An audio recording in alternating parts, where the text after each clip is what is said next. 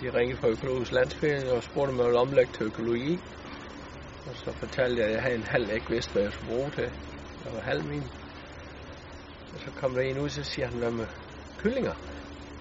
Og den tykkede vi så lige lidt på. Og så, ja, så gik vi i gang. Det er tre et halvt år siden. Ja. Det havde jeg faktisk ikke fortrudt. Og så har I nogle øh, æbletræer beplantet. Kyllingerne selvfølgelig have noget at gemme sig under på rovfugle og søge, søge, noget skjul under. Og så tænkte jeg æbletræer, fordi de står jo i flot blomst om foråret, og så står de med røde æbler om efteråret.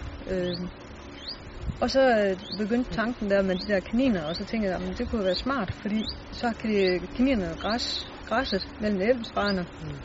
Og øh, når vi beskærer øh, grenene, så kan de få grenene og knæve, plus at de kan spise æbler, nedfaldsæbler. Så det begyndte sådan ligesom at hænge lidt sammen. Og så fik jeg overtalt Jørgen til, at vi skulle have en æbleplantage. Ja, Ja. fordi kyllinger, kyllinger kan da også spise æbler og græs imellem. Og hvor afsætter I æblerne hen? Det har vi gjort til øh, vores ka- lokale menuforretning. Og så gårdbutikken. Ja, så gårdbutik, og så...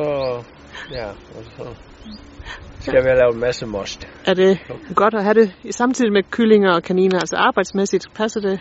Det passer rigtig godt Ja, sammen. det er godt. det gør det. Ja. Øh, det er selvfølgelig travlt nu, men øh, så holder vi os lidt i gang med at gå og beskære og ordne forskellige ting i binde op øh, ved træerne om vinteren og sådan nogle ting, så det passer godt sammen. Ja.